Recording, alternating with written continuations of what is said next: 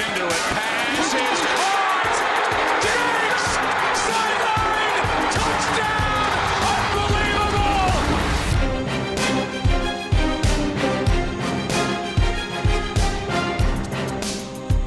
Yes, leuk dat je weer luistert naar een nieuwe aflevering van de Sport Amerika Fantasy Football Podcast. En jongens, het gaat het seizoen hard. We gaan alweer heel hard naar. Nee, we zitten al in week, eh, in week 10. Die is natuurlijk gisteravond begonnen. En eh, dat betekent natuurlijk dat de playoffs eraan zitten te komen. En eh, nou ja, als je zoals eh, Jimmy heel erg goed bent in fantasy voetbal, dan heb je een heleboel teams die op de drempel staan van de, van de playoffs. En dus ben je druk bezig met jezelf in een zo goed mogelijke positie brengen. Nou, daar gaan we het zo meteen uitgebreid over hebben. Want dit zijn namelijk ook nog eens de laatste dagen, in ieder geval in de meeste leagues, de laatste dagen dat je nog trades kunt maken met je medespelers. Dus dat betekent dat we je aan het einde van de show, dus als we de wedstrijden hebben doorgenomen, eh, even gaan tracteren op een aantal interessante trade targets van mensen die een hele goede eh, schedule hebben. En ook mensen die, als je ze op je ro- roster hebt, je misschien nog even snel weg zou kunnen traden, omdat ze een lastige schedule hebben. Maar we beginnen natuurlijk, eh, zoals altijd, met mijn co-host. En dat is, nou, ik noemde zijn naam al, aan de ene kant Jimmy Driessen. Hey jongens, hallo. Je dacht dat ik je zou vergeten. En aan de andere kant, eh, natuurlijk, zoals altijd, je krijgt hem niet weg, hoe hard je het ook probeert. Lars Leefting. Goedenavond. Ja, Lars, jij zit volgens mij iedere keer in elke podcast ongeveer. Of, eh, of, of vergis- ik me daarin? Eh, nou ja, in de normale podcast zit ik eh, meestal twee, drie weken achter elkaar. En dan gun ik anderen even een plekje natuurlijk. Maar eh, ja, tot nu toe heb ik in deze altijd gezeten. Hier En, kunnen eh, gewoon niemand anders vinden. Nee, dat is- je kan, Jimmy had ook kunnen zeggen, het is duidelijk wie, wie zeg maar de lead talent is binnen Sport Amerika. Ja, dat is ook weer zo. Ja, dat, dat verhaal vind ik leuker. Ja, precies. Je moet het je kan, een keer onder. Ik weet dat, dat het als Eagles fans moeilijk is om dingen positief te zien. maar eh, goed, ik zei het al, eh, Thursday Night Football is weer geweest. Eh, zo waar is een keer een wedstrijd waar, ve- ja, dat is vorige week natuurlijk ook al, maar waar veel eh, relevante spelers eh, in zaten. En, en dan laat ik hem anders beginnen. Ik eh, was gisteren, ik heb een team waar Brady mijn startende quarterback is. En ik eh, ben, met dat team op weg naar de playoffs. Maar eh, ik moet nog wel een paar wedstrijdjes winnen waarschijnlijk. En ik dacht, ja, Brady is niet helemaal mijn backup, is, eh, is Tua. Dus ik ga op zoek naar een, een back, betere backup die ik eventueel zou kunnen starten. En toen kwam ik uiteindelijk bij de eigenaar van Ryan Tannehill uit. Daar gaan we het zo ook nog wel even over hebben. En die vroeg aan mij, nou, ik wil een running back, maar voor Tannehill hoef ik niet veel. hey, wat dacht je van Naeem Hines? En toen dacht ik, joh, prima, doen we dat. hè? Naeem Hines. En het is ook, en dan moet ik wel zeggen, eh, de kans dat ik naar Hines op zou gaan stellen is ook nu nog steeds heel klein, omdat, ik, omdat Henry en Miles Sanders daar mijn startende running back zijn. Eh, maar goed, eh, Jim, eh, de, we worden allemaal wakker en de wereld ziet er ineens anders uit, want Hines is ineens, nou ja, zal deze week waarschijnlijk gaan afsluiten als een top 10 running back. Ja, hij heeft eh, volgens mij een full PPR heeft hij 28,5 punten gehaald. En het eh, meest opzienbarende was eigenlijk dat hij ook gewoon qua, qua carries gewoon echt ja, gewoon het meeste werk kreeg. En dat is eigenlijk ook wel nieuw. Want eh, de weken hiervoor had hij maar twee carries en vijf carries. Maar nu had hij er 12. Ja, voor, eh, voor 70 yards. Ja, dat, dat levert toch wat op. Maar nog belangrijker. Zowel in de passing game als in de running game had hij een touchdown. Ja, en, en die andere twee running backs, Wilkins en eigenlijk de nummer 1 geachte Jonathan Taylor. Die, eh ja, die verkwanselden het op de, op de goal line. Dus ik denk eh, dat we een eh, wisseling van de wacht hebben bij, bij de Colts. Ik denk dat Heinz de nieuwe nummer 1 is. Ja. Lars, Lars, zeg jij even iets slims? Ik moet eh, even bijkomen. nou, ik denk eh, eerlijk gezegd, ik zou er heel erg blij mee zijn. Want ik heb hem volgens mij in eh, twee, drie leagues of zo. En ik heb hem eh, ja, afgelopen nacht niet opgesteld. Ik heb wel Mid Breda opgesteld. Dus ja, ik werd eerlijk gezegd aan de ene kant ook niet heel erg blij van. Maar inderdaad, eh, het feit dat hij inderdaad nu in één keer meer carries heeft. En als je kijkt naar het schema wat ze hebben. eh, dat is ook zeer gunstig ehm, voor running games. Ik bedoel, volgend weekend spelen ze tegen de, tegen de Packers. Ja, weet je, daar kun je natuurlijk eh, je klok op gelijk zetten dat Heinz daar weer een hele goede wedstrijd gaat spelen. En als hij inderdaad de eerste leading back is, dan ja, is hij inderdaad, ook omdat hij in de passing game zo goed is, nummer 1 En op. nou, nou is het eigenlijk die trade mijn eigen fout in die zin dat eh, ik vorige week al een eh, analyse heb gelezen van, ik weet niet, een Amerikaanse spor- eh, journalist in ieder geval. En die schreef, eh Heinz is op weg naar de eh, Austin Eckler-rol eh, in, de, door Rivers geleide aanval. En de, de, de, gedachtegang daarachter is dat Eckler, of dat, dat, dat Rivers een betrouwbare blanket moet hebben uit de backfield, waar hij gewoon makkelijk de bal... Nou ja, dat heeft hij natuurlijk bij de Chargers altijd gehad in Melvin Gordon en later Eckler. Eh, Jim, zie jij, zie jij dat nu ook ontstaan voor Heinz? Of is dat nog iets te hoog gegrepen? Ja, dat vind ik nog te hoog gegrepen. Ten eerste is Rivers wordt echt steeds... Die wordt logischwijs een jaartje ouder. Dus eh, ja, die, die is nog minder geworden. En ten tweede, toen dat werd geschreven, toen hadden ze net... Toen kregen ze de Ravens. En daar scoorde hij maar 5,8 punten. En toen had Taylor juist weer de overhand. Die had 9,4 punten. Dus je dacht juist weer van, oké, Heinz is, is geweest. De shift gaat weer terug naar Taylor. Maar ja, niks bleek minder waar nu. Ja. Ja. Nou, interessant. Dus eh, ja, ik zei het al. eh Tannehill, daar zouden we nog even op terugkomen. Doen we bij deze. Eh, nou, Derek, Derek Henry scoorde geen touchdown, maar had anders gewoon een, een Henry, een Henry avond, 103 yards. Is het raar dat ik 103 yards lees bij, bij Henry en denk, moi. Had beter gekund, Derek. Nou ja, Zeg, zeg, zeg qua- meer, qua zeg, meer over de man, zeg meer over de man dan over de prestatie, uiteraard. Precies, ja. En, en Cook heeft de nieuwe lat nog hoger gelegd natuurlijk. Ja. Ja. Maar goed, uh, Tannehill, eh, de grap bij, eh, bij de Titans was eigenlijk dat ze een, een, nou ja, een, een, een absolute top running back hebben, maar eigenlijk een pass-first offense zijn. Maar eh, ik zag daar, dus ik zie daar de laatste weken eigenlijk ja, vrij weinig van. Is de, is, was het misschien niet zo'n hele goede move voor mij überhaupt om voor Tannehill te treden? Eh, nou, weet je wat het was? Hij heeft, hij heeft eh, een paar keer heeft hij echt eh, meer dan 20 passes gegooid. Maar dat waren allemaal tegen de, tegen de Broncos, was dat? Tegen, tegen de Bills, tegen de Texans. Ja. Allemaal eh, defenses die eigenlijk best wel slecht tegen de passes zijn.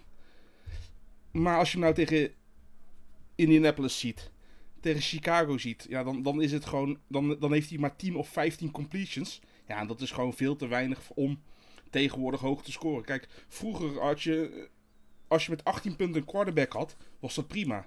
Maar zeker omdat er steeds meer eh, eh, quarterbacks zijn die ook nog eh, ru- de rushing game erbij nemen, is eigenlijk die floor is een stuk hoger komen te liggen. En 14 punten, 10 punten wat hij nu heeft gehaald, is eigenlijk gewoon niet meer goed genoeg. Zeker niet omdat op de waiver wire vaak een quarterback is te vinden met een goede matchup. Deze week bijvoorbeeld Jared Goff, die dat makkelijk kan, kan overtreffen.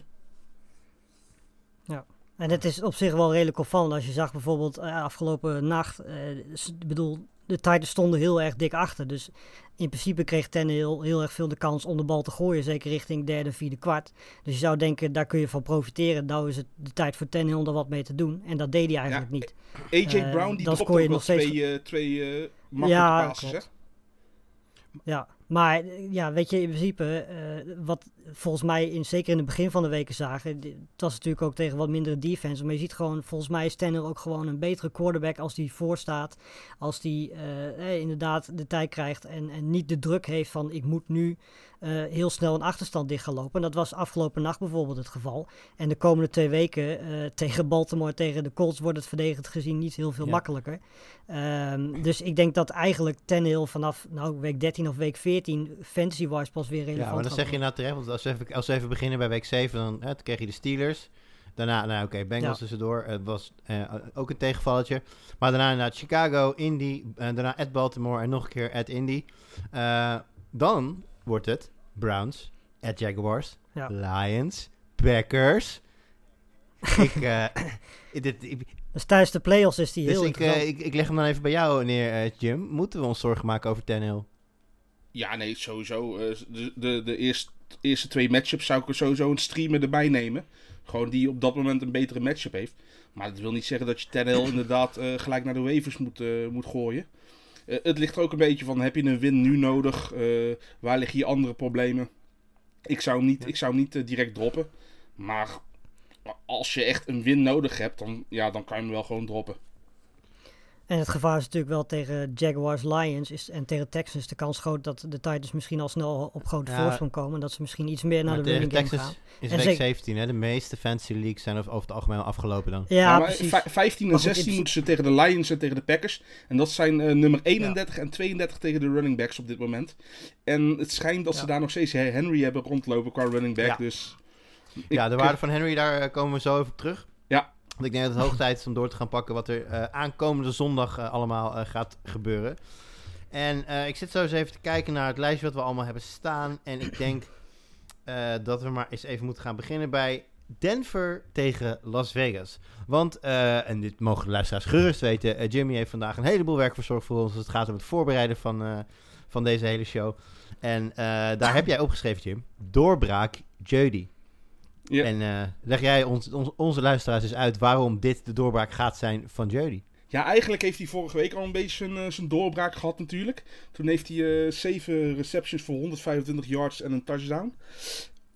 En ik denk dat hij met die line heeft hij echt, omdat natuurlijk de nummer 1 receiver van de, van de Broncos, Cortland Sutton, is al heel, heel seizoen geblesseerd.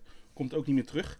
En het was een beetje stuivertje wisselen tussen Hamler tegen eh, Patrick, eh, toen hij nog niet geblesseerd was, en Judy. Maar het is nou echt, Judy heeft nou echt het voortouw genomen. Want eh, hij had ongeveer evenveel receptions als Hamler. Alleen hij deed er veel meer mee. En tegen Las Vegas is dat ook gewoon weer een mooie matchup. Daarnaast hebben ze met Drew Lock hebben ze een, een, een quarterback die Ja. volgens mij in het hoogste percentiel zit met, qua air passes. Wil niet zeggen dat ze allemaal aankomen, want nauwkeurig is hij niet. Maar er liggen echt genoeg kansen voor hem. En eh, zeker in een week waar, nou ook, eh, waar, je de, waar de Chiefs bijvoorbeeld al mist met Tyreek Hill. Waar je de Falcons met Ridley en Julio Jones niet hebt. Is Judy echt gewoon een, een eentje die een, een wide receiver 1 kan zijn deze week. Ja, en, en Locke heeft natuurlijk de laatste drie wedstrijden 40 plus attempts eh, qua passing Ja. gehad. Dus het is niet alleen per se dat hij heel veel diepe ballen gooit. Hij gooit gewoon überhaupt heel erg veel. Ehm, en het lijkt er inderdaad op, zeker op basis van de afgelopen twee wedstrijden met die 10 targets, dat, dat hij gewoon op dit moment een van zijn favoriete targets is. Ook omdat Locke op dit moment gewoon echt heel erg in vorm begint Ja. te komen. En is het dan nog een factor? Want eh, ik weet niet, volgens mij afgelopen week was Noah Fant eh, nog limited. Hij hinkelde niet volgens mij in ieder geval weer van het veld af op een gegeven moment. Eh, hij heeft deze week in ieder geval woensdag limited en donderdag volledig ge- getraind. Als er daar gewoon een, een compleet fitte, voor zover dat mogelijk is tijdens een NFL-seizoen, Fant staat. Heeft dat nog impact op, eh, op Ja. de rol van Judy? Eh, dat denk ik niet, want eh, op zich de Raiders zijn eh, slechter tegen de wide receivers dan tegen de, tegen de tight ends. Tegen de tight ends zijn ze gewoon een beetje middelmaat. En tegen de wide receivers, eh, ja, tegen de nummer 1 wide receiver zijn ze slecht. Tegen het geheel zijn ze dan weer beter. Maar eh, ik, zie, eh, ja, ik zie in Judy zie ik een, een wide receiver 1. En eh, ik denk dat hij gewoon, eh, gewoon op dit moment gewoon heel veel upside heeft. Als we kijken naar upside, dan eh, ja, de naam Josh Jacobs zal heel hoog hebben gestaan op heel veel draftlijsten begin het jaar. En toen had je eh, week 1, waar hij volgens mij 381 eh, punten in één wedstrijd haalde. Oftewel, eh, dat is niet helemaal waar, maar wel 35. En eh, toen dacht je, goh, hey, kijk mij eens even lekker een mooie pick hebben gemaakt, Josh Jacobs. Daarna had hij nog één leuke week tegen Kansas, ook over de 20 punten. En verder valt het voor een jongen die je waarschijnlijk laat in de eerste ronde eh, ge- gedraft hebt. Of misschien zelfs wel mid-eerste ronde valt het een beetje tegen. En nou is de Denver defense niet de wanted Denver defense die we in, in verleden jaren wel gezien hebben. Maar nog steeds wel gewoon, ik geloof even achtste tegen de run. Eh, in hoeverre maken wij ons zorgen over Josh Jacobs, jongens? Ik eh, maak me toch best wel zorgen. Want eh, aan de ene kant, hij is natuurlijk ook geblesseerd geweest. Dus ze zijn voorzichtig met hem. Het, het, het wordt gezien als echt de toekomst. Maar je ziet wel dat een Devante Booker en een Jalen Richard zich er ook mee gaan bemoeien. En daardoor ligt zijn, zijn, zijn ceiling ligt natuurlijk een stuk lager dan dat hij echt de leadback zou zijn. Daarnaast ook nog eens met een, met slechte offensive line voor zich. Eh, hij heeft sowieso weinig grote runs gemaakt. Ik, ja, het, is- het is tegenvallend. Nou, als, ik de, als ik ook de averages bekijk, dan heeft hij maar vier wedstrijden gespeeld waarin hij meer dan vier yards per carry had. Ja. En bro, kijk, de, met, hè, de, met, eh, je, kan, je, je, je kunt niks zeggen tegen de workload, die krijgt hij. Eh, als de gamescript een beetje goed valt, dan kan hij zelfs richting de 30 carries gaan, wat natuurlijk insane is. Maar zelfs met 30 carries tegen Cleveland was dat in dit geval. Had hij dan, oké, 129 yards, maar geen touchdowns. En daarmee dus 12,9 punten. Ja, dat is toch Ja. niet wat je van een first rounder wil hebben natuurlijk. Je, ziet ook, wat ook opvalt, is dat Derek Carr's eh, passing attempts in die laatste twee wedstrijden, die zijn juist met 10 bijna naar beneden gegaan. Eh, wat dus betekent dat ze meer rennen. Eh, en dat maakt het eigenlijk misschien zelfs wel nog opvallender. Ik zou hem voor dit weekend niet per se 100% vertrouwen, maar als je kijkt naar de rest van het programma wat daarna komt. Ik bedoel, ja, de Chiefs, de Falcons, de Jets, weet je, dat zijn Ja. toch gewoon wedstrijden waar ik Jacobs 100% gewoon weer zou Ja, opstellen. wat wel interessant wordt, is dat hij natuurlijk eh, midden in de playoffs krijgen zij nog de Colts. Dat, dat wordt natuurlijk wel een, een Ja. pittige, Ja. pittige uitdaging. Ehm, nou jongens, weet je wat? Ik geef hem gewoon aan een van jullie. Eh, Jim, kies- jij eens een leuke wedstrijd uit? Nou, degene waar de grootste over-under zit. Dus eh, waar we eigenlijk het meeste spelers willen starten. De Bills tegen, de, tegen Arizona. Ja, wat je zegt het, hè, de hoogste over-under betekent dat gewoon dat je no questions asked alle skillspelers, tenminste alle starters dan in ieder geval. Ja, je gaat wel Eh, kijken start. natuurlijk eh, eh, hoe het komt dat de over-under er is. Als het twee gelijkwaardige ploegen is, dan wil je van beide wil je spelers hebben. Maar als de over-under Buffalo tegen de Jets is, dan wil je nog steeds alleen maar van de Bills wil je de spelers hebben natuurlijk. Maar in dit geval, Wil je van beide wil je wel porties hebben, ja. ja, want als we de naam even afgaan, bijvoorbeeld aan Arizona kant, dan denk ik in eerste instantie aan Hopkins en Kirk. Ja. En, eh, en, de, en bij de Ja. running backs, allebei? Of alleen Chase? Of... Eh, eh, ja, Drake gaat volgens mij nog steeds niet spelen, of wel? Weet ik eerlijk gezegd niet uit mijn hoofd, vind ik lastig. Nee, ja. maar sowieso, als, als zou die zeg maar active zijn, stel je hem dan op. Eh, nee, ik, zou Drake zou ik nog niet eh, opstarten. Alleen eh, Chase Edmonds is me ook een beetje tegengevallen. We dachten allemaal toen eh, Drake meer workload kreeg dan, dan Chase Edmonds. Dat zag Edmonds er beter uit eigenlijk dan, dan Drake. Alleen toen, toen, Ja. u- toen uiteindelijk eh, Drake geblesseerd wegviel, ging Edmonds die leadback niet goed genoeg overnemen. Dat hij uiteindelijk nou ook zijn rol tot aan het einde van het seizoen heeft overgenomen. Ik denk dat het probleem dus niet per se bij de running backs ligt, maar meer bij het scheme of bij de offensive line zelf. Maar ik zou Chase Edmonds zou ik zeker opstellen, Drake nog niet. Hij Tenzij heeft, je echt eh, geen andere nee. goede opties hebt. En eh, bij Buffalo is het helemaal een probleem, want ja, Moss, Singletary... eh, ja, kunnen alle Ah. twee upside hebben, maar eh, ook een hele lage floor als de ene meer carries krijgt dan de ander. Ik vind dat typisch van die running backs die je start op het moment dat je bijvoorbeeld inderdaad deze week, nou ja, Clyde Edwards Hilaire of noem het maar op, Ja. Gurley, die natuurlijk allemaal, eh, die je normaal gesproken eh, in je line-up had staan, ja, dan, dan zijn Singletary, en Sing- je, je kunt het zeg maar in weken waarbij je gedwongen mensen moet opstellen die je eigenlijk niet wil opstellen, dan kun je het slechter treffen dan Singletary en Moss. Laat dat, eh laten we dat voorop zetten. Maar, maar van de quarterbacks en Ja. van de wide receivers wil ik, er, wil ik er veel hebben. Van Buffalo sowieso Allen, Dix en, eh, en Brown. Brown is eh, sinds dat hij fit is ook weer heel goed. Beasley heb ik wat minder vertrouwen in. En van de. Arizona, wat je al zei, inderdaad Hopkins, Kirk. Ja, en Kyler Murray, dat is denk ik de beste fantasy running back op dit moment. Dat is eigenlijk de Lamar van, vorig seizoen. Waarom heb je zo weinig vertrouwen in Cole Beasley? Is het omdat hij de laatste twee wedstrijden maar 7 en 4,5 punten heeft gehad? Ja, zoiets ja. Dat is scoreboardjournalistiek. Nou ja, als Nee, jij hem wil starten, prima. Nee, het, het klopt inderdaad. Hij heeft ook heel weinig targets gekregen eh, de laatste twee wedstrijden. En voor, ja, tegen, tegen New England, want ik heb nog steeds een, eh, de, de, de Patriots defense vrij hoog zitten. Maar eh, tegen Seattle ja, is natuurlijk teleurstellend. Al was het natuurlijk ook gewoon wel een, een gekke... Het was een beetje een Josh Allen wedstrijd. Deed natuurlijk ook veel met zijn benen en zo. Dus ja, hij hoefde ook niet echt heel veel... Je ziet vaak dat als, als, als Buffalo het moeilijk krijgt, dat ze naar Beasley eh, gaan zoeken omdat dat toch een hele betrouwbaar setje handen is. Ja, en dan is een beetje de vraag: gaan ze het moeilijk tegen, krijgen tegen Arizona? Ik denk het wel. Dus ik eh, verwacht eigenlijk wel een goede wedstrijd voor, voor Cole Beasley. Oké. We gaan het zien. Eh, Even kijken. eh, hadden we nog andere dingen te zeggen hierover? Nee, dit was hem wel ongeveer. Nou, Lars, wel- naar welke wedstrijd wil jij eh, toe?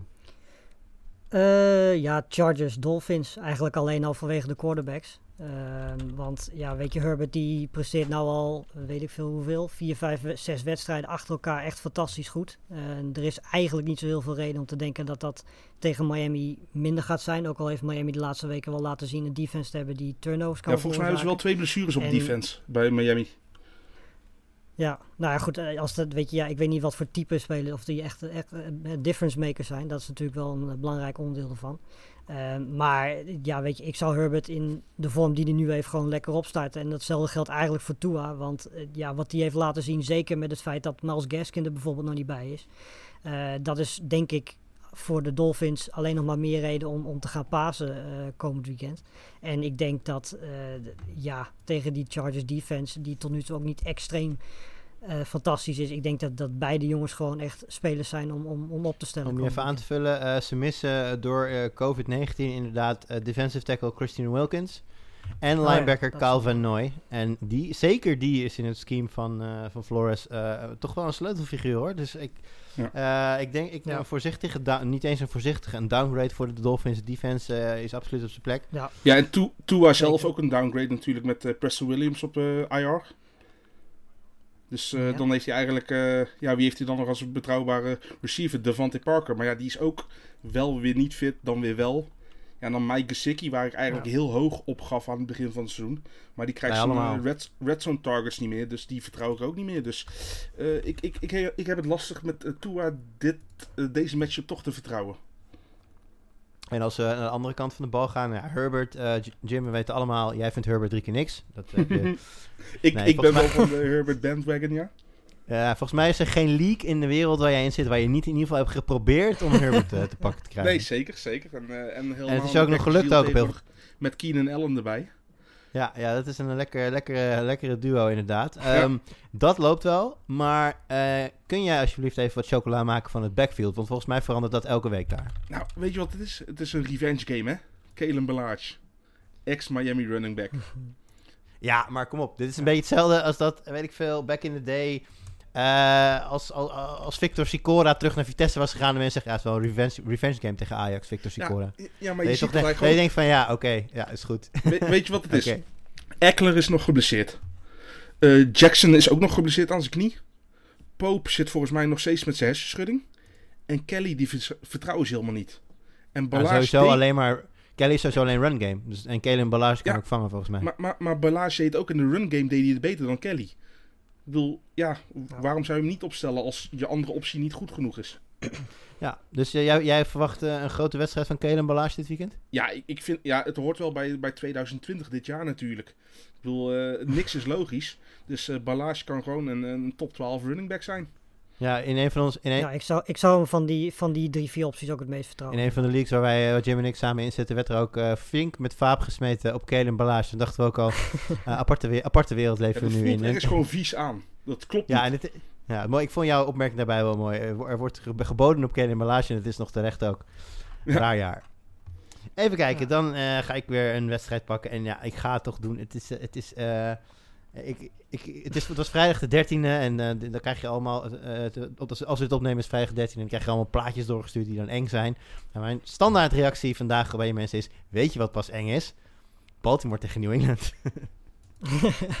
Want eh, ja, nee, re- real voetbal heb ik er in ieder geval heel weinig vertrouwen in. Maar dat betekent natuurlijk niet dat er vanuit New England niet interessante spelers zouden kunnen komen. Al zijn ze daar dit jaar niet heel goed in.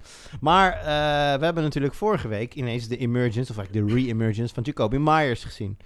Eh, Lars, heb jij dat, eh, heb jij dat gezien en wat, wat, maak je, wat maak jij daarvan? Nou ja, ik zie op dit moment misschien naast Damian Harris niet een, een, een speler. We hebben het dan even nog straks wel over Cam Newton. Maar buiten Damian Harris zie ik eigenlijk niemand.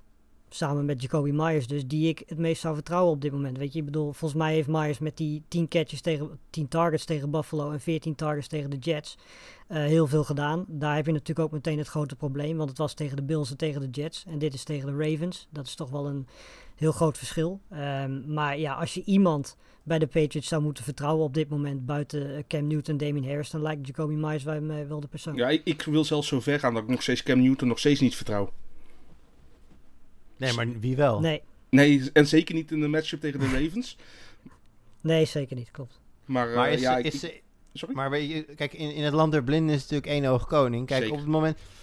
Je gaat, de bal, je, gaat de bal krijgen. Want op het moment dat Baltimore scoort, krijg je elke keer weer de bal terug. En dan moet je, heb je zeker drie kansen om iets te doen met die bal. Dus Ja. op een gegeven moment moet Cam die bal gaan gooien. En ja, eh, Baltimore is goed hoor. Ze hebben een van de betere defenses, zo simpel is het ook. Maar eh, ze Baltimore zal, net zoals elk ander team tegen New England, eh, flink de, de, de box gaan stacken, denk ik. Ja. Want over de grond is New England het gevaarlijkst. Dus zal eh, Myers redelijk wat kansen gaan krijgen, denk ik. Is het dan niet gewoon zo dat aangezien Ja. hij de facto de enige echt bruikbare target is, hij sowieso wel nou een bepaalde floor zal gaan hebben van, ja, zal ik hem gooien? 7, 8, 9 punten en met kans op meer? Nee, in een PPR-league zou ik hem sowieso nou opstellen. Want eh, aangezien hij eh, Ja. veel targets krijgt en daarvan ook nog veel targets echt vangt, he- heeft hij gewoon echt een, een safe floor. Eh, helemaal omdat hij de enige is die echt veel krijgt. Kijk, Bird heb je nog wel. Eh, ik weet niet of Ford uiteindelijk ook weer gaat spelen nu die ze via een trade hebben gekregen. Ja, schijnt wel. Maar tot nu toe is het voor mij, Myers is de wide receiver die je ops- opstelt bij de, bij de Patriots. Totdat anders is bewezen. Ja, en eh, als we nog heel even doorgaan op zijn, op zijn quarterback. Nou, we hebben het al vaak genoeg gehad over Cam Newton natuurlijk. Eh, hij, of hij loopt twee touchdowns binnen en hij maakt je week. Of hij eh, doet echt, echt, echt helemaal niks. Eh, is dit een jongen die je nog op je roster moet houden? Of kan je hem ook gewoon een waiver gooien en een beetje... Ja, is hij eigenlijk nu onderdeel van die grote waiver pool die je in één quarterback league al hebt? Eh, ja, voor wat mij betreft wel. Ik zou bijvoorbeeld een, eh, Ja. een Derek Carr zou ik, eh, nu boven Cam Newton qua matchup zou ik hem plaatsen. zelfs, zelfs misschien al een Baker Mayfield als hij weer fit is. Die heeft gewoon tegen de Texans heeft hij een betere matchup. Ja, en het is eigenlijk best wel raar dat je dus Cam Newton in een rijtje zet met Carr en Mayfield en hij daar niet deze week als beste uitkomt. Ja. Ja, in wedstrijden bijvoorbeeld straks tegen de Texans, tegen de Jets en Bills kun je hem gewoon prima opstellen, denk ik. Maar als je kijkt naar komend weekend en ook tegen de Dolphins en de Rams later dit jaar, volgens mij zijn dat wedstrijden waar je hem gewoon moet negeren, denk ik. Als we even kijken naar de andere kant, uh, bij Baltimore, nou ja, daar heb natuurlijk veel over gezegd over Lamar Jackson en het backfield. Maar ik wil even, uh, kijk jongens, we weten allemaal dat, uh, dat het een matig jaar is voor tight ends. Maar ja, ik, ik had op, met Andrews, Mark Andrews, had ik voor dit seizoen toch echt gedacht, deze man wordt gewoon een slam dunk top 3. In mijn hoofd was, in, mijn, in, mijn hoofd was gewoon uh, Kelsey, Kittle, Andrews. Ja, kijk, maar je, je had eigenlijk twee combo stacks had je qua draften. Je had de, de stack Mahomes met Kelsey en je had Lamar met Andrews die je wilde hebben.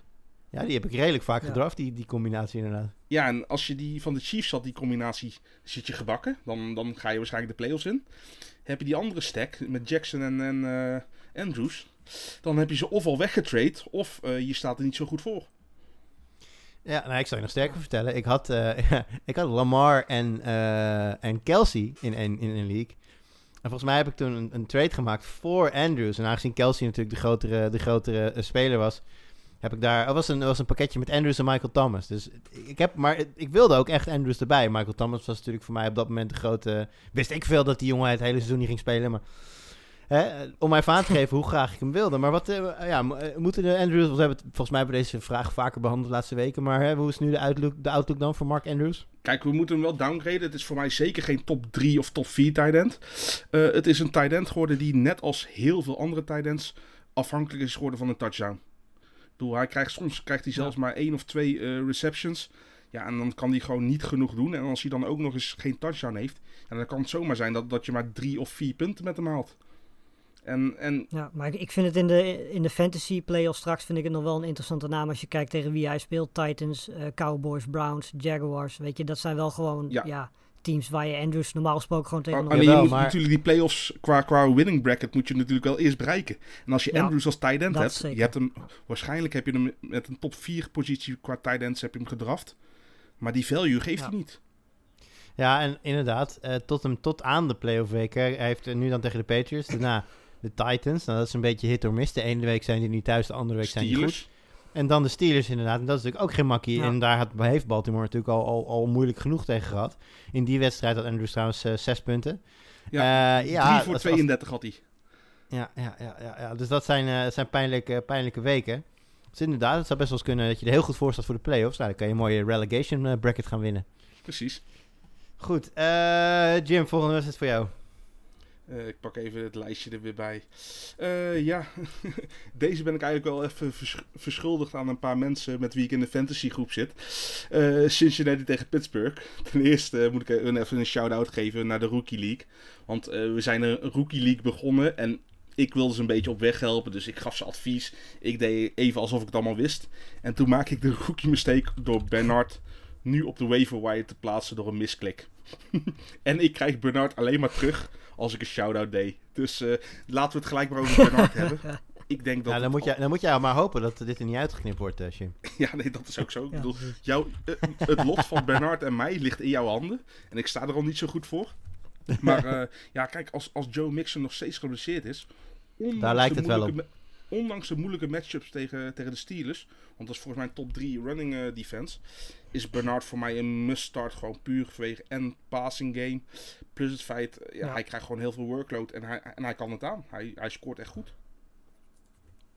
Lars? Ja, nee, niks op aan te merken. In principe, uh, weet je, de matchup is inderdaad uh, een van de minste die je kunt hebben. Maar dan nog is Bernard inderdaad, omdat hij en in de passing game en in de running game gewoon een belangrijke rol speelt.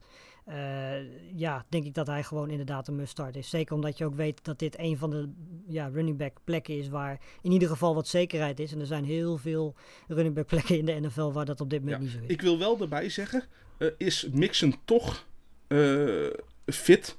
Ja, dan, dan vind ik het echt moeilijk om hem op te stellen. En dan is het voor mij max een flex.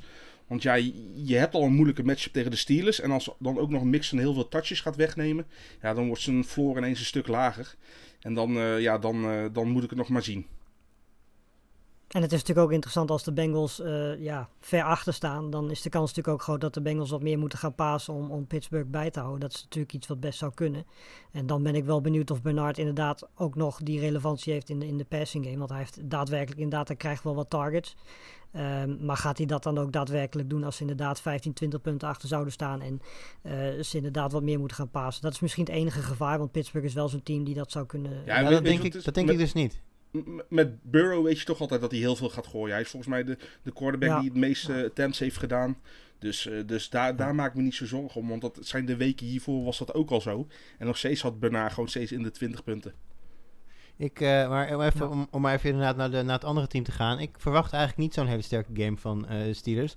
En dat heeft alles te maken met twee knieën eh, die we eh, afgelopen week eh, het erg moeilijk zagen hebben.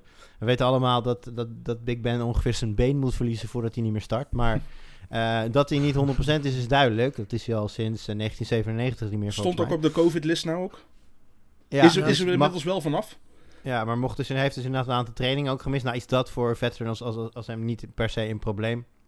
We hebben allemaal gezien Stafford die een week niet had getraind en die toch gewoon een prima wedstrijd gooit. Dus dat kan Roethlisberger ook wel. Maar ik heb twijfels bij zijn fitheid.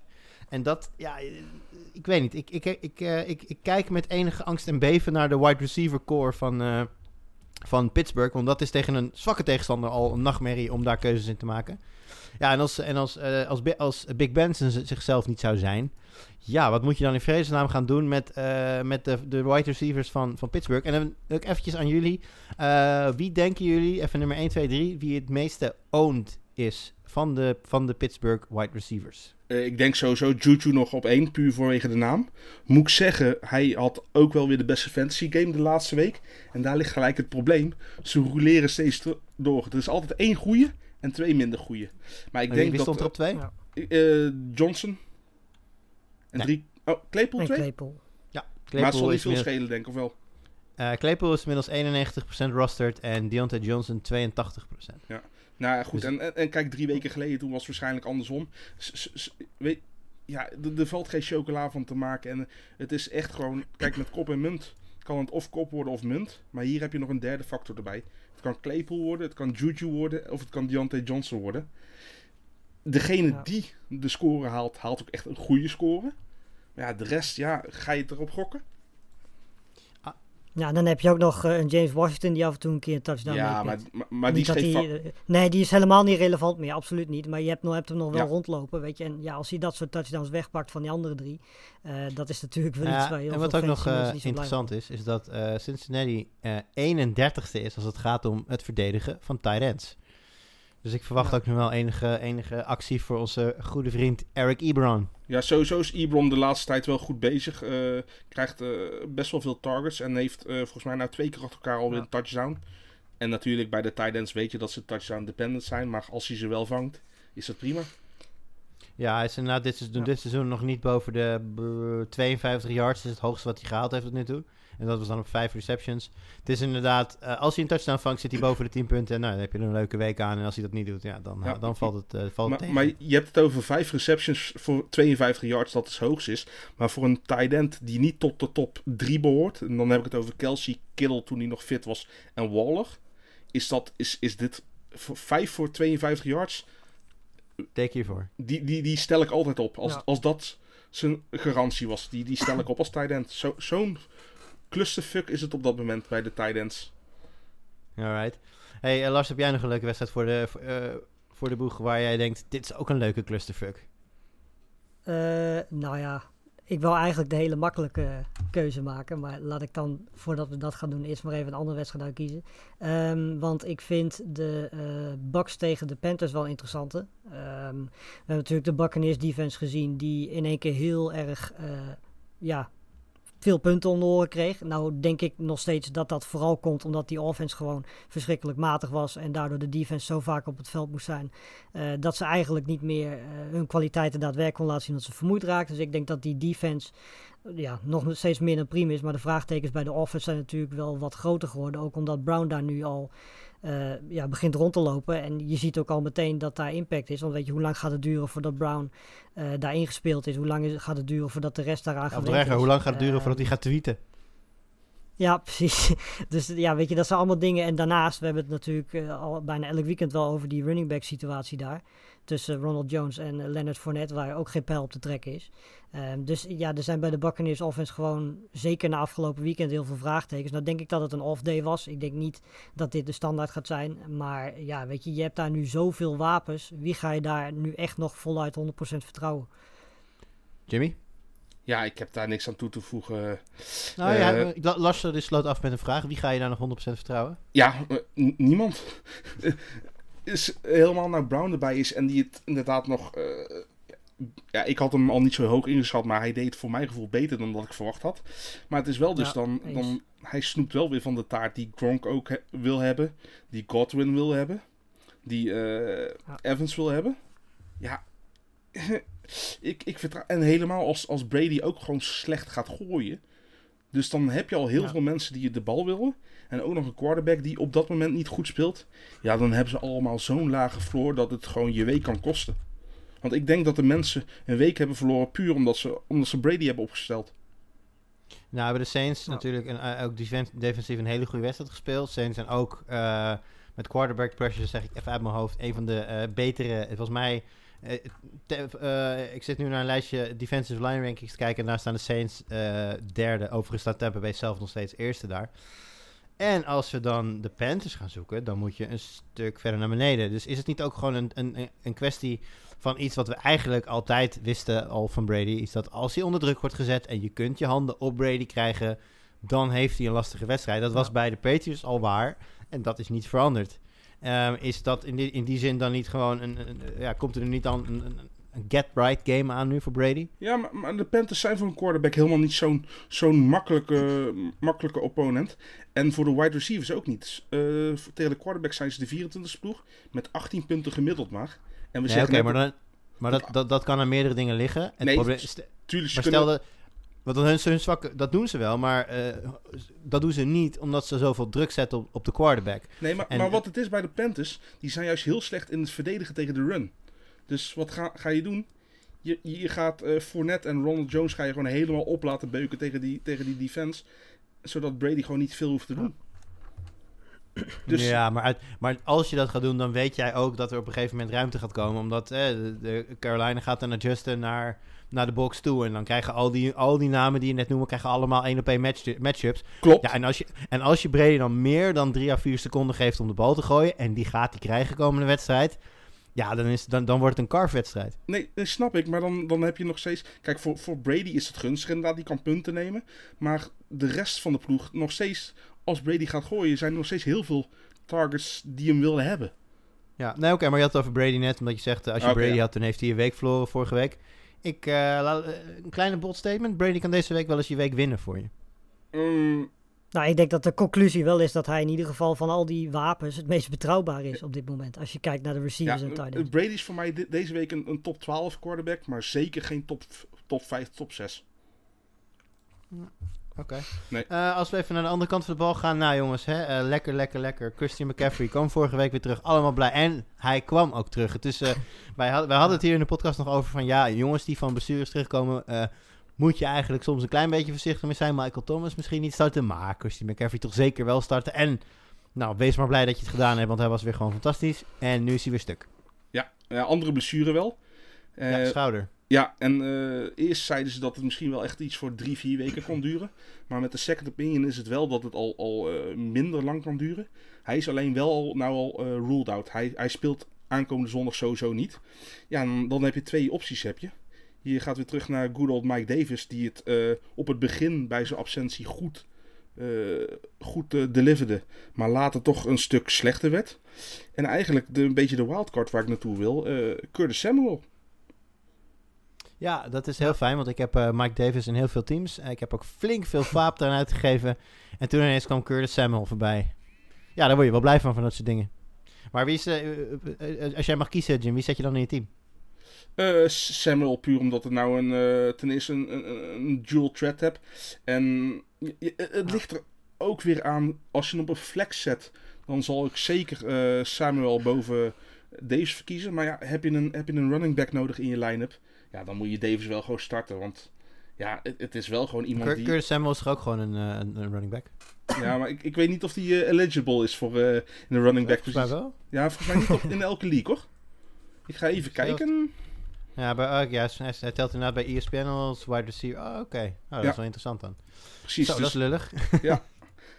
dus eh, ook al heeft hij tegenwoordig heel veel werk als running back, het blijft een wide receiver natuurlijk. maar het, ja, het, het, het, het heeft ook een soort domino effect. Want ja, DJ Moore, wat, wat moeten we daarmee? Voor het seizoen was DJ Moore gewoon echt een top receiver. eh, echt by far de nummer 1 van de, van de Panthers. Robbie Anderson komt Ja. eh, van de Jets over. Neemt eigenlijk langzaam maar zeker die nummer 1 positie over. Want hij scoort gigantisch goed, zelfs zonder touchdowns. Maar als nou ook nog Curtis Samuel eh, zich ermee gaat bemoeien. Ja, ik, ik weet niet. Ik, ik denk dat, dat je eigenlijk al eh, DJ Moore had kunnen treden vanwege zijn naam. Maar dat het nu al, al lastig gaat worden. Ik denk dat DJ Moore misschien wel afgegleden is naar, dare I say, flex. Mm, Ja, Ja, Ja. zeker, al- zeker als McCaffrey er weer bij is. Ja, ja lastige situatie. Ehm, ik- ja, jij zegt DJ en dan gaat mijn, eh, mijn gedachte gelijk uit naar... eh, eh, wacht even, zijn, die- zijn die... Ik, ik, zie de, ik zie de Jacks niet. Zijn die, zijn die vrij? Nee, die zijn niet vrij. nee, tegen, Nee, tegen tegen de Packers. Ja, die hebben Ja. natuurlijk... eh, eh, de- we hebben natuurlijk vorige week het debuut gezien van... eh, Jongens, ik heb overal Minshew. Waarom haten de fantasy gods mij? Luton Free. Lu- ja, Luton Airport, heel, heel, heel lekker bezig. Eh, DJ Chark had daardoor een, een, een goede wedstrijd. Ehm, ja, Lars, jij kent de, de, defense, de defense van de Packers als geen ander. Ehm, Ja. Kan, ik, kan ik Chark gewoon spelen tegen hen? Is dat, wordt, dat, wordt dat open huis of eh, ben jij gereserveerd? Eh, nou ja, ik, denk in principe dat hij eh, wel een interessante naam is. We weten natuurlijk allemaal dat die Packers defense vooral tegen de run niet goed is. Dus James Robinson is sowieso een 100% eh, iemand om op te stellen. Maar ik denk dat de kans groot is dat de Packers straks heel snel op een grote voorsprong komen. En dat de Jaguars die al best veel gooien, alleen nog maar meer gaan gooien. En ik denk dat dan, als er dan één naam is qua receivers die je kunt kiezen, dan is het absoluut DJ Chark. Ja, ik ik, misschien eh, ook nog kijken naar Chris Thompson. De running back die in de passing game meedoet bij de Jaguars. Hele interessante naam. Ja. Ja, misschien En, als... eh, en, en misschien ook de Green Bay eh, defense wel? Ik bedoel, als, als, als Luton geforceerd moet gaan gooien, dan blijven er vast wel wat, wat balletjes in de lucht hangen. Ja, we weten ook nog niet zoveel Ja. van Luton natuurlijk. Dus ik denk best dat ze hem gaan Nee. testen. Helemaal omdat ze natuurlijk Maar tegen de run... inderdaad Kijk, de Packers zijn tegen de run slecht. Dus die gaan proberen zoveel mogelijk te zorgen dat Luton gaat gooien. Want daar is hij nog un- unproven is hij nog. Ja. Dus ja, ik, ik, ik zie het wel. Nou ja, inderdaad, als, als, die, als die defense, zeg maar, eh, als, als, als de Packers zeg maar snel op voorsprong komen, dan is die defense van de Packers in het voordeel, omdat ze meer moeten gaan pasen. Eh, en dan halen ze juist eh, dat weg waar zij niet zo goed in zijn, namelijk die run defense. Dat zou heel gunstig zijn, maar als, als de, Jaguars lang bij weten te blijven, hebben we ook tegen de Vikings gezien. Die hebben natuurlijk wel een speciaal talent genaamd Cook. Eh, maar als je ziet dat die gewoon de hele tijd mee kunnen, ja, dan is de Packers defense niet een defense die je wil opstellen. Maar inderdaad, als ze al snel op voorsprong komen en de Jaguars worden geforceerd om te pasen, dan is die defense zeker een interessante optie. Alright, alright. Goed, omwille van de tijd gaan we even op hoog tempo door de rest van, van de wedstrijd heen. En dat... Ik zag trouwens nog één dingetje over, over Lazar, die speelt dit weekend niet. Ah ja, dat is een Eh. Dus dan weten de mensen dat. Die gaat waarschijnlijk vanaf volgend weekend weer spelen, maar dit weekend uh, ziet maar het er naar die zou toch al lang terug zijn geweest? Eh, in principe was die volgens mij vorig weekend eh, al. Kon die al van de IR gehaald hadden, anders is dat dit weekend. Maar eh, hij heeft tot nu toe alleen nog maar limited Hm. practice gehad. En vandaag stond hij helemaal niet op het veld. Dus ga er maar gewoon vanuit dat hij dit weekend niet, eh, niet Oké. speelt. Nou goed. Gaan we door eh, naar mijn favoriete divisie. Eh, want in de NFC East eh, kunnen de Giants de leiding pakken als ze winnen. En dan hebben ze 3,5 wedstrijd gewonnen volgens mij. En dan staan ze bovenaan de divisie. Eh, maar daar gaat, het- daar gaat het ons niet om. Maar wat ons wel gaat, eh, Jimmy, ik heb twee namen voor je. En ik wil weten of je ze zou starten. Dat is aan de kant van Philadelphia, Ragor. Eh, standaard eerder dan piepjar. En aan de kant van de Giants, Slayton. Eh, nee, ik denk het niet. Die is waarschijnlijk gewoon nog op de waiver wire op te pikken. Eh, die heeft zijn vorige game tegen de Eagles gigantisch slecht gespeeld. Eh, nee, dat is een non-factor. Zijn, jou, zijn jouw antwoorden anders, Lars? Eh, nee. Oké, gaan we lekker Nee. door. Hey, eh Hawkinson, die gaat lekker bij, eh, bij Detroit. Ehm, Jim, eh, Hawkinson, eind van het seizoen. Een top 3 tight end? Eh, ja, maar dat komt ook natuurlijk omdat Kittel is weggevallen. En eh, ja, hij, eh, hij is gewoon een, een betrouwbare optie in de red zone gebleken voor, eh, voor Stafford. Helemaal als Golladay nog langer geblesseerd blijft. Eh, ja, en er is, Hij gewoon is nog steeds een twijfelgeval deze week. Eh, het is volgens, lijkt erop dat hij nog eentje gaat missen. Ja, en Hawkinson die had ook een training gemist eh, vanwege een teenblessure. Maar is vandaag weer gewoon aan het, aan het spelen. Dus die gaat, gewoon, die, ja, die gaat gewoon opgesteld worden. En het zegt eigenlijk meer over de rest van de tight ends dan over Hawkinson zelf. Kijk, Hawkinson doet het dit jaar goed, toch? Maar ja, hij is iemand die, die wel geregeld de touchdown vangt. En ik, vind, ik vind hem echt sneaky Waller- goed. en behalve als Waller en eh, eh, Kelsey als eh, target machines, ja, is Hawkinson gewoon de best van de rest qua touchdowns. Dat is het gewoon. Maar als je niet had gekeken naar de rankings en, je had, eh, en ik had tegen jou gezegd waar staat Hawkinson in de rankings, had je hem dan, had je hem dan gegeven dat hij dat die staat waar hij staat? Ja, want ik heb ja, ik, ik- sowieso, ik heb hem volgens mij in twee van mijn zes teams heb ik hem ook. Dus daar ben ik vrij blij mee. Dus ik wist wel dat hij zo hoog stond. Ik weet. Nou, ik heb hem nergens. Ik kan je vertellen dat ik dat gevoel totaal niet had. En eh, Lars, wat is dan jouw Nee. gevoel eh, bij JD McKissick, die wellicht eh, deze week tegen de, maar ik mag wel zeggen, de Lowly Lions misschien wel een starter is? Voor je fantasy line-up dus? Ja, nou ja, goed, weet je, het voordeel wat hij heeft, is dat hij natuurlijk extreem effectief is en actief is in de, in de passing game. Volgens mij heeft dat deels ook gewoon te maken met het feit dat de coachingstaff op dit moment die quarterbacks gewoon amper tot niet vertrouwt en zoveel mogelijk makkelijke passes wil laten gooien. Volgens mij is, die, is McKissick daar de perfecte running back voor. Ehm, dus ja, weet je, zeker tegen Detroit eh, lijkt mij dat gewoon zeker een starter. Ehm, en zeker zolang die situatie van de Allen ligt er nu de rest van het seizoen uit. Dus ja, ze gaan met Smith natuurlijk die terugkomt van die blessure geen rekening nemen. En dan is zo iemand als McKissick die eh, naar de flat kan gooien, is natuurlijk een ideale speler om erbij te hebben. En dat hebben ze bijvoorbeeld afgelopen week tegen de Giants laten zien. En ik denk dat dat vooral ook zijn rol is. Weet je, hij gaat nooit 15 plus punten scoren, maar veel lager dan 7 of 8 zal hij ook niet komen. Gaan wij doorpakken. Eh, we weten natuurlijk dat Cleveland, dat, eh, Cleveland Browns een, eh, een run-first team zijn. En dat doen ze momenteel met name met Kareem Hunt. Omdat Chubb natuurlijk nog geblesseerd is. Jimmy, wat is de laatste stand van zaken daar? Want volgens mij was deze week zo'n beetje touch and go van wanneer Chubb wellicht terug zou kunnen komen. Ja, volgens, volgens mij is eh, komt hij van de IR af. En als je hem hebt, stel je hem op met Kareem is Hunt. hij, maar is hij ook fit? Ja, maar dan nog steeds stel je hem op, vanwege, puur vanwege de matchup ook. Eh, ten Ja. eerste, de, de matchup is voor hem gunstig. Ten tweede, eh, ja, je hebt het over een, een run-first team. eh, die een extra wapen juist in de running game terugkomt. Eh, dus ze krijgen nog meer kansen in de running game. Daarnaast is OBG weggevallen inderdaad. Dus ja, dit, dit is, eh dit is handoff voor eh, Mayfield naar Hunt en eh Chip. En die blijven maar doorgaan. Kunnen we als een door naar het punch. volgende Gaan we onderwerp? Want, Gaan we doen, gaan we doen. want hoe, dit doet wordt steeds pijnlijker. dit namelijk. Ehm, even kijken, deze hebben we al besproken. We gaan door naar Callaway en Smith, Traquan Smith. Want dat zijn twee mensen die best wel productief zijn geweest in de weken dat Michael Thomas nog niet speelde. Maar die speelt nu wel, is gewoon fit. En dus, eh, Jimmy, kunnen we de rest gewoon wegdonderen nu dan? Ja, kunnen we heel kort over zijn. Weg naar de waivers. Je, je hebt eh, nou mensen nodig die, die je direct van waarde kunnen zijn. En niemand gaat een Smith of een Callaway nu oppakken. Eh, gebruik je Vaap, Nee. gebruik voor andere spelers. eh, nee, je hebt er niks meer aan.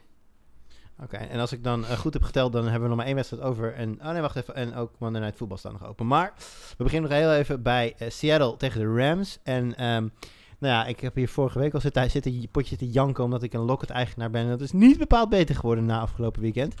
Eh, ja, ik, Jimmy, ik vind dat jij het voorzichtig hebt, hebt verwoord met eh, moeten we ons zorgen maken om Locket. Ik wil hem graag veranderen. Moeten we ons zorgen maken over de eigenaren van Locket die misschien wel van een fucking flatgebouw gaan afspringen? Jimmy. Ja, weet je wat het is? Qua, qua, qua punten was hij nou ook de derde receiver de- deze week eh, tegen, tegen de Bills. Maar ja, het, het, komt allemaal door DK Metcalf. Kijk, jarenlang is, is Lockett gewoon een betrouwbare speler geweest voor eh, Wilson. Toen Wilson nog niet zoveel ging gooien. Maar nu Wilson helemaal los mag gaan, ja, is gewoon, gewoon Metcalf op één slechte wedstrijd na, is gewoon de man bij de, bij de wide receiver core van de, van de Seahawks. En dat is iemand die Ja. wekelijks gewoon goed is. En Lockett heeft een uitschieter hier en daar. En als we naar de andere kant van de bal gaan, hebben we natuurlijk eh, Woods en Cup. Die, nou, ja, eh, vaak, vaak kan er maar één succesvol zijn, omdat er gewoon niet genoeg eh, to go around. Maar tegen Seattle, Jimmy, st- Stel iedere wide receiver. Cup was wel eh, geblesseerd volgens mij. Dus daar moet je even in de gaten houden wie, eh, of die wel of niet gaat spelen. Maar eh, als, je Cook, als je Woods hebt, start je hem. Heb je misschien Reynolds eh, als Cup niet start, kan je Reynolds ook echt goed gebruiken. Want eh, ja, de Seahawks, volgens mij hebben we het iedere podcast hebben we het hierover gehad. Start iedere wide receiver die tegen de Seahawks speelt.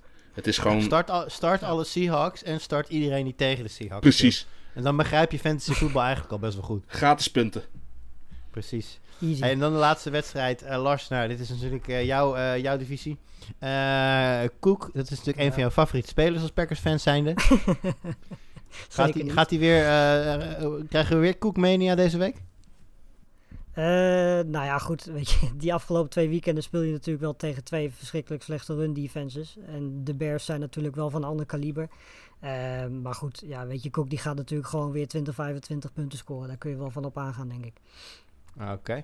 Eh, ik- trouwens, ik vergeet nog één klein dingetje. Namelijk de running backs van de Rams net. Eh Daryl Henderson viel vorige week geblesseerd uit. eh, bedenk ik mij nu net.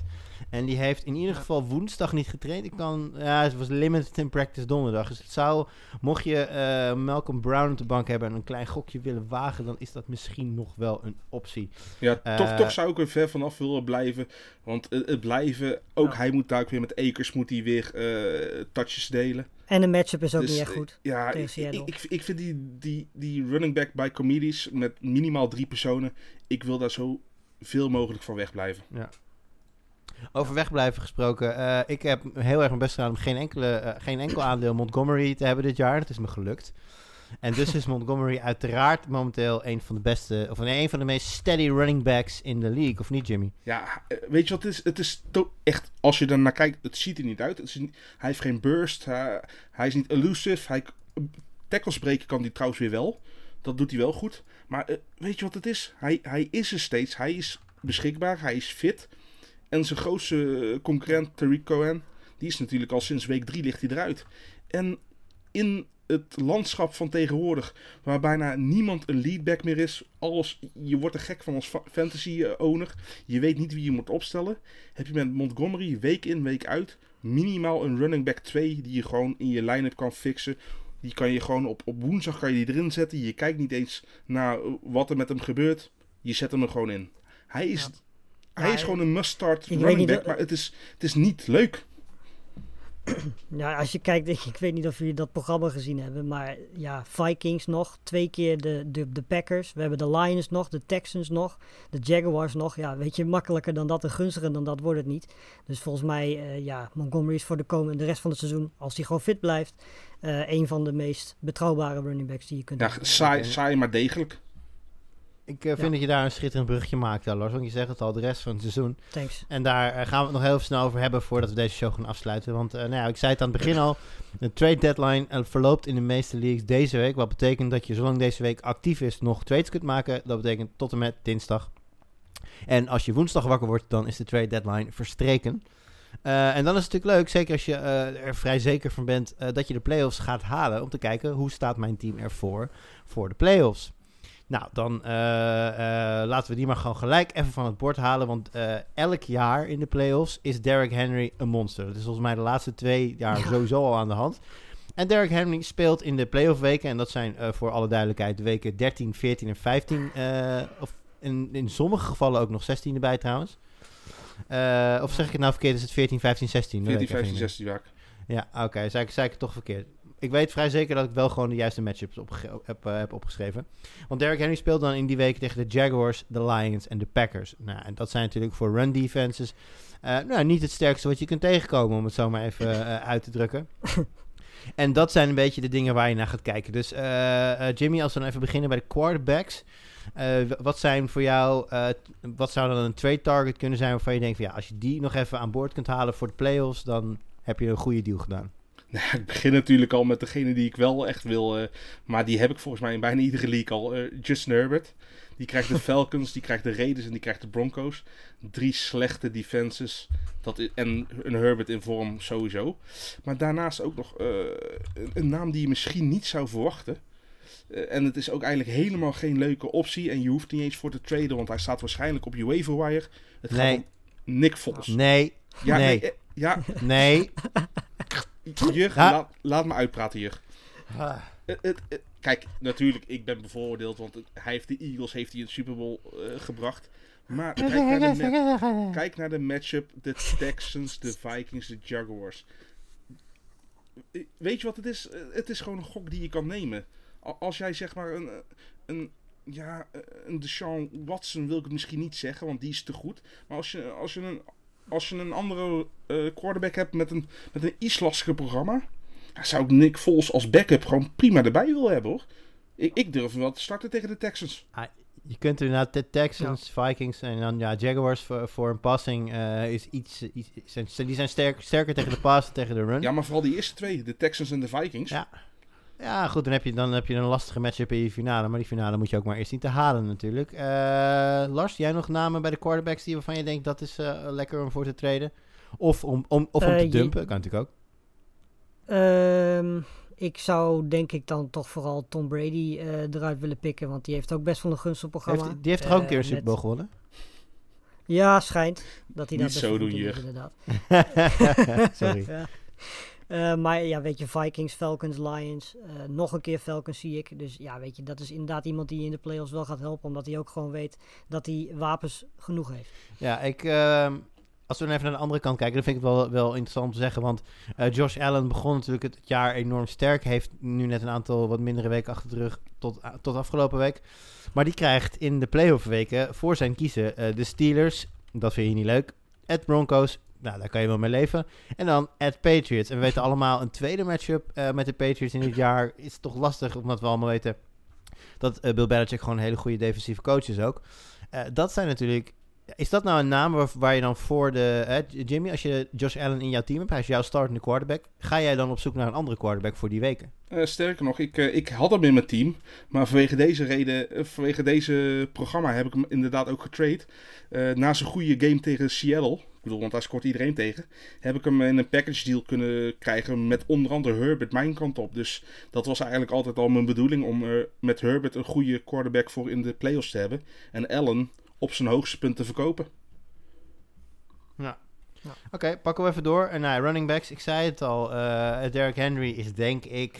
staat op eenzame hoogte als het gaat om dat, de makkelijkheid van het schema dat hij in de playoff weken gaat krijgen. Eh, maar Lars, ik zie je een, zo waar een van jouw darlings daar staan. Ja, Aaron Jones staat er dus inderdaad. Eh, ja, weet je, het hangt natuurlijk ook allemaal een beetje vanaf eh hoe het seizoen van de, van de Packers loopt. Want we weten allemaal dat dit team zonder Aaron Jones en zonder eh Devontae Smith eh, een stukje minder is. Dat zijn Adams. gewoon de twee beste wapens. Ja, Devontae Adams, inderdaad. Eh, wat je? Devante Smith, Wie is uit. Devante Smit? Ja, nee, ik bedoel Devontae Adams natuurlijk, overduidelijk. Ehm, maar ja, weet je, ik zou absoluut Derrick Henry trouwens boven hem verkiezen, boven Aaron Jones. Ehm, maar ik denk dat Aaron Jones met het programma dat hij heeft, met onder andere de Lions, de Panthers en de Titans, ja, weet je, dat zijn wel wedstrijden eh, waar je Ja. Aaron Jones gewoon wil opstellen, omdat hij inderdaad in beide gevallen, zowel in de passing game als in de running game, zo'n grote rol speelt. Wie, eh, Jimmy, als jij... ze- Ja, we hebben natuurlijk Henry en, en, en Aaron Jones. Dat zijn denk ik duidelijk de twee grootste running backs die ook nog eens een makkelijk programma hebben. Wie denk je dat het makkelijkst los te weken is van deze twee? Want we, we steken dit natuurlijk wel in vanuit het perspectief van hè, trades maken. Kijken of je nog iemand in je team zou kunnen krijgen. Eh, Jones denk ik wel, want die heeft toch eh, nog steeds wat minder hype om zich heen dan, dan Derrick Henry. Eh, daarnaast heb Ja. je met, bij Jones heb je natuurlijk ook nog altijd de factor met de Devante Ad- Adams, de best scorende wide receiver op dit moment. Dus ik denk dat Henry als in een vacuüm meer oplevert dan Jones. Maar ik denk dat ik met beide even blij zou zijn. Ja, alright, alright. En eh, als we even naar de andere kant weer gaan kijken. Nou, ik heb uh, Singletary en Moss opgeschreven, maar we zeiden net al, ja, dat zijn sowieso eigenlijk niet uh, running backs waar je je team op wil laten draaien. Maar ja, als je uh, Clyde Edwards-Hilaire hebt gedraft, dan kun je eigenlijk niet anders. Want het is verdomd moeilijk om een first, een first rounder niet op te stellen.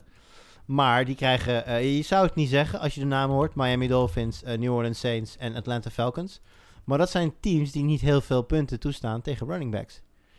Ja, wat moet je dan in vredesnaam met die gasten van, van, van Kansas City gaan doen? Ja, sowieso. Kijk, ik ben al lang blij voor de, voor de Claire Solaires owners dat, uh, dat Bell eigenlijk nu al een non-factor is geworden. Dus wat, dat betreft is hij, heeft hij qua value wel weer iets meer uh, teruggewonnen. Maar ja, ja, ik denk dat je zelfs al te laat bent met hem echt goed te shoppen. Uh, ik denk dat je hem nou gewoon uh, wel moet opstellen en, het, uh, en hem moet rijden totdat de wielen eraf vallen en kijken waar het eindigt. Alright. pakken we door wide receivers. Um, ja, waar gaat je aandacht dan naar uit, Jim? Ja, sowieso iedereen van Cincinnati. Ten eerste omdat Burrow natuurlijk als een gek aan het gooien is. Dan hebben we het over Boyd, hebben we het over Higgins en zelfs misschien nog AJ Green. Kijk, ik vertrouw AJ Green niet helemaal meer. Maar als je hem nog uh, heel goedkoop kan krijgen tegen iemand, zou ik dat zeker niet laten. Want hij speelt wel tegen de Cowboys, ja. de Steelers, die tegen de passing minder goed zijn dan tegen de running. En de Texans, wat sowieso gatenkaas is. En het kan zomaar zijn dat, dat een van die drie receivers gewoon echt gewoon ja, gigantisch over zijn toeren gaat. En gewoon zorgt dat jij die matchup wint. Ja. Nou, vooruit. Mag jij als bonus uh, nog even gaan vertellen waarom die ene wide receiver van die ene quarterback zo goed is? Wie, wie wat waar? Bedoel je het over ja. uh, Keenan Allen? Absoluut. Ja, sinds, uh, sinds week 2, ik bedoel, week 1 uh, ja, begon Tyler Taylor nog bij de Chargers. En sinds, Wie? Ja, die ja. En sinds dat Herbert speelt, is Keenan Allen een top 5 wide receiver. Zowel in standard half PPR als full PPR. Hij moet het sowieso van meer van zijn receptions hebben. Dus in full PPR een, een no-brainer. Daarnaast de Falcons, de Raiders, de Broncos. Is er een betere matchup denkbaar voor een wide receiver? Nou, wordt heel erg lastig. Precies, ja, maar misschien, ik ga, maar misschien ik ga niet toch, van de Bengals, maar... Ja, tegen... ja, ik wil zeggen de Bengals, zijn, maar ik wil nog een andere poging doen. Als ik tegen jou zeg de Texans, de Vikings en de Jaguars. Want ja. dat is namelijk wat Chicago nog voor zijn kiezen gaat krijgen in die weken. Ja, dan heb je Allen Robinson. Dat vind ik ook wel heel interessant hoor. Ja, en daar heb ik dus inderdaad ook net voor getrade, omdat ik hem wilde in mijn playoffs. Want ja, dat is, kijk, ten eerste is hij al gewoon een, ook een, een steady uh, top 10 receiver. Gaat hij ook in Hebben we nu over Allen Robinson of over Keenan Allen? Uh, over Allen Robinson. Oké, okay, ja, want al die Allens door elkaar heen, dat, uh, ik, vol, nee, ik volg het nee, ik, ik, ik, ik, heb juist in een league uh, getrade voor Allen Robinson. Want ik wilde hem kosten wat het kost hebben. Ook vanwege het feit dat hij uh, betrouwbaar is. en, en gewoon een hele goede matchup heeft. En zelfs buiten die goede matchups is hij een must-start speler. Dus ja. je zit met hem gebakken. Ja, als ik dan nog even kijk naar de wat negatievere kant, dan krijgen DK Metcalf dat is denk ik wel gewoon een starter. Het maakt niet uit ja. wie die speelt. Maar Lockett, waar we het natuurlijk over gehad hebben. Uh, Jets, zou je niet zeggen, maar is best lastig voor receivers. Washington voetbalteam, een betere defense dan heel veel mensen denken. En de Rams, waar natuurlijk gewoon een prima secondary rondloopt. Dus dat, dat, dat is een lastig schema. En daarnaast, uh, ja, als je, als je vertrouwt op DJ Chark... Die krijgt de Titans, de Ravens en de Bears. En ook daar zien we natuurlijk twee, in ieder geval twee keer uh, echt een top defensive team staan. En je weet ook niet welke quarterback het is tegen die tijd.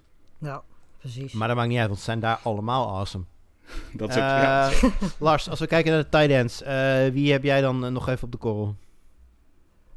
nou ja, die, wie ik niet op de korrel heb is alle tight ends van de Colts, want ik vertrouw ze allemaal niet meer. Wel, Burton is top. Dus daar nou, daar ben ik het niet helemaal mee eens. Maar goed, uh, die zou ik absoluut niet vertrouwen. En als ik dan één zou noemen die ik wel zou willen vertrouwen, is Noah Fant. Want uh, die krijgt gewoon de targets, die geeft zijn rol in die, in die passing game. En het, het programma met de Panthers, Bills en Chargers is, is gunstig voor tight ends en voor passing ja. game. Dus die zou ik dan wel willen noemen. Ik, uh, ik, ik zou daar dan nog graag good old Ga je doen? Rob Gronkowski me naartoe Ja, ik, mensen die dit al, al, het hele seizoen luisteren, die weten dat, dat ik Gronkowski meerdere malen onder de bus heb gegooid En hem er ook meerdere malen weer onder vandaan heb getrokken. En nou ja, dit wordt weer eens tijd. Hè? Dus nee, maar Tampa Bay krijgt, we noemen natuurlijk al Brady met goede playoff matchups. En dat geldt voor Gronk natuurlijk net zo dan. Vikings, at Falcons, at Lions. Allemaal teams die het niet specifiek heel goed doen bij het verdedigen tegen tight ends daarbij meegenomen dat Gronk beter in zijn spel komt. Uh, meer en meer de red zone threat is die die natuurlijk bij de Patriots lang geweest is. Dus uh, ja, Gronk toevoegen aan je team zou ook nog wel eens een hele uh, goede keuze kunnen zijn. Jim, tot, slot dan voor de tight. Zie jij nog problemen voor gevestigde namen anders dan de Colts die, die Lars al genoemd heeft? Ja, ik vind Mike, Waller vind ik een, een, een, lastige. Kijk, ten eerste, tuurlijk, je, je, gaat, hem, je gaat hem starten bedoel, dat is uh, out of the question. Uh, maar met de Colts, Chargers en Dolphins ja, heeft hij gewoon hele moeilijke matchups. En als je bijvoorbeeld een mooi pakketje kan maken rondom Waller met nog een extra piece voor misschien Kelsey, met iemand die een running back nodig heeft of een right receiver. En als je dan kijkt naar Kelsey wat hij qua programma krijgt, dan had ik het wel geweten. Zou je bijvoorbeeld Waller en Edward Hilaire kunnen aanbieden voor Kelsey? Of vind je dat dan te duur? ja, want ik denk namelijk dat voor veel minder gaat de Kelsey-owner het niet doen. Nee, ik, ik, ja, ik zou het overwegen, ja. Puur omdat Kelsey zo'n grote upgrade is ten opzichte van de, van de nummer 2 tight end die Waller is. Ik, ja, ik zou het doen. Ja, oké. Nou, dan uh, tot, tot slot nog even voor deze aflevering. Uh, in, de, in de playoffs de defense uh, matchups. Ik heb ze niet allemaal uitgeschreven, maar uh, geloof mij op mijn woord als ik zeg dat de Cardinals, Browns en Bills fijne matchups hebben. En de Chiefs, Lions, Patriots en Eagles absoluut niet. Jim, weet jij de, de, die van de Eagles uit je hoofd heel toevallig? Uh, het programma? Ja, voor de playoffs? In de playoffs. Uh, volgens mij sowieso Dallas weer een keer. Arizona volgens mij en New Orleans. Ja, en zeker met New oh. Orleans en Arizona zijn dat gewoon lastige... Ja, ja, je krijgt gewoon uh, goede position skill spelers tegenover je. Ja, en dan is Dallas niet genoeg om, om hem op je rooster te houden. Exact.